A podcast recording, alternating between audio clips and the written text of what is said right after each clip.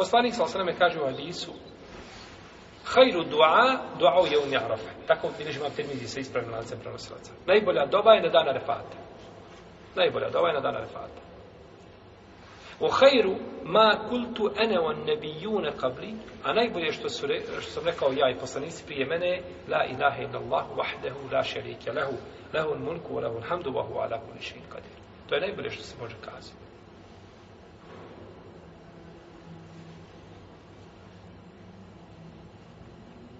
I došlo je od Selefa da su puno posvećivali, znači veliku pažnju ovome danu.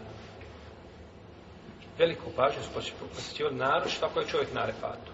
Jer ako je na refatu, tu je uzvišeni Allah na dunjalučkom nebu i pita svoje robove šta želite. Tražite šta želite.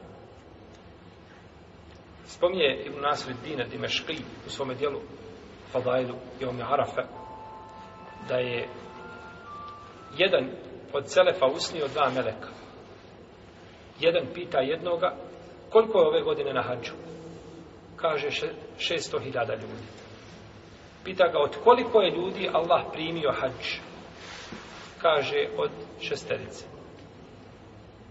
Pa ga je to zabrinulo. Pa je naredno već je ponovo zaspao, pa ga je pitao, pa je opet usnio dva meleka. Pa pita jedan drugoga, a, a od koliko je ljudi primio, kaže, o šestorice? Pa šta je bilo, kaže, dao je svakom od njih po sto hiljada. Od njih šestorice svaki je dobio šta? Po sto hiljada. Pa od koliko je ljudi primio hađ? Od svih.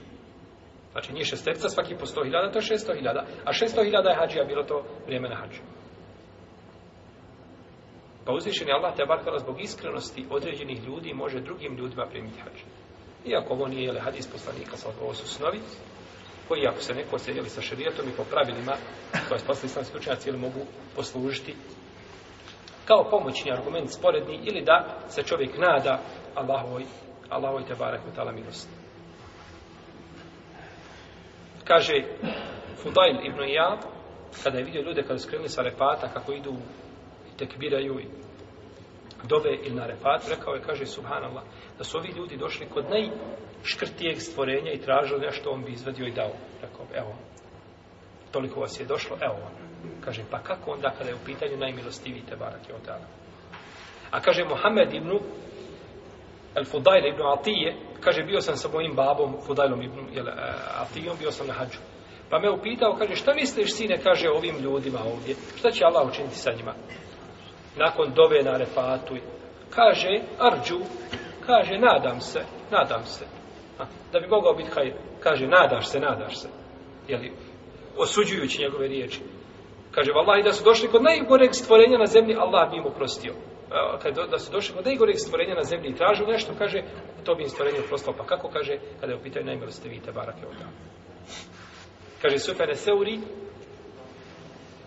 vidio sam, kaže, ljude neke na haču za koje znam, kaže da su teški pristupnici griješnici.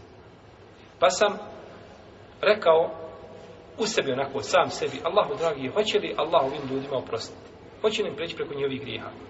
Kaže, pa sam najveće zaspao, pa mi je neko rekao, o Sufjane, pa kaže, Allah im je oprostio grijehe, kudi kamo veće od, koji ti, od, od onih koje ti znaš. Više od toga im je uzvišenje Allah za ođer oprostio. Pa čovjek se treba nadati, znači, da taj dan, da uzvišenje Allah te barakala oprosti grijehe, jer je to znači, jer je to, jer je to veliki, jer je to veliki, znači, veliki dan. Čak se prenosio Salafa da su govorili, očekivali smo u tome danu blagodat, odnosno beričet za dijete koje je u majčnoj utrobi.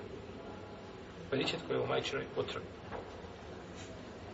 Pa je, znači, dan Arefata, između ovih dana, znači, a, a veliki dan i očekivati je, znači, da